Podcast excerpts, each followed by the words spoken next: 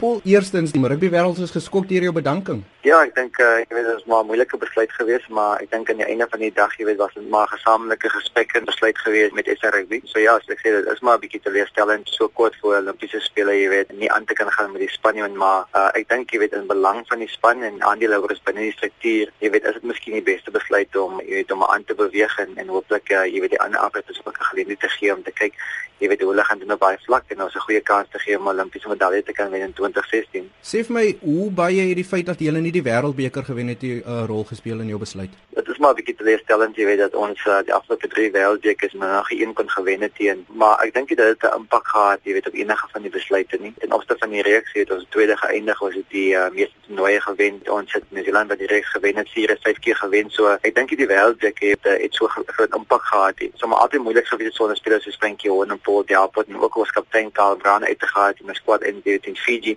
So ek kan nie dit regtig gebruik as 'n maatstaf jy weet die, die verskil was 'n doelskop geweest. So nee, dit was dit was persoonlike besluit geweest na talle gesprekke met SRB en van my spelers en spanbestuur. So ek dink jy weet dit is 'n 'n besluit wat ligtelik geneem is hier en alles gedoen uh, jy weet in bate van die span. Paul, jy was die nasionale afrigter vir amper 10 jaar. Wat is van jou hoogtepunte?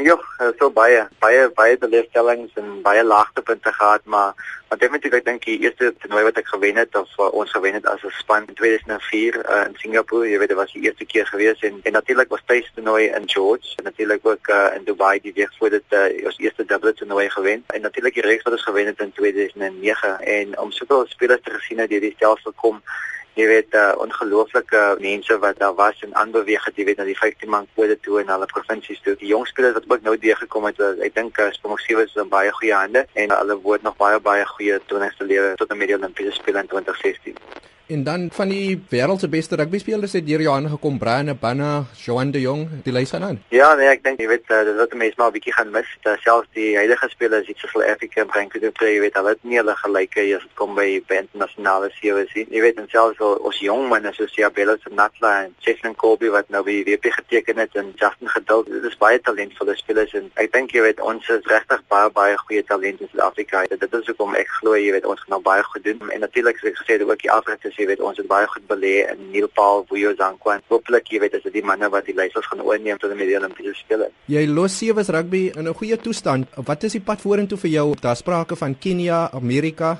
Wel, ek dink dit is uh, dis 'n besluit wat ek weer eens hier ligtelik sal opneem nie. Jy weet daar is uh, opsies binne SRB se strukture jy weet om aan te bly.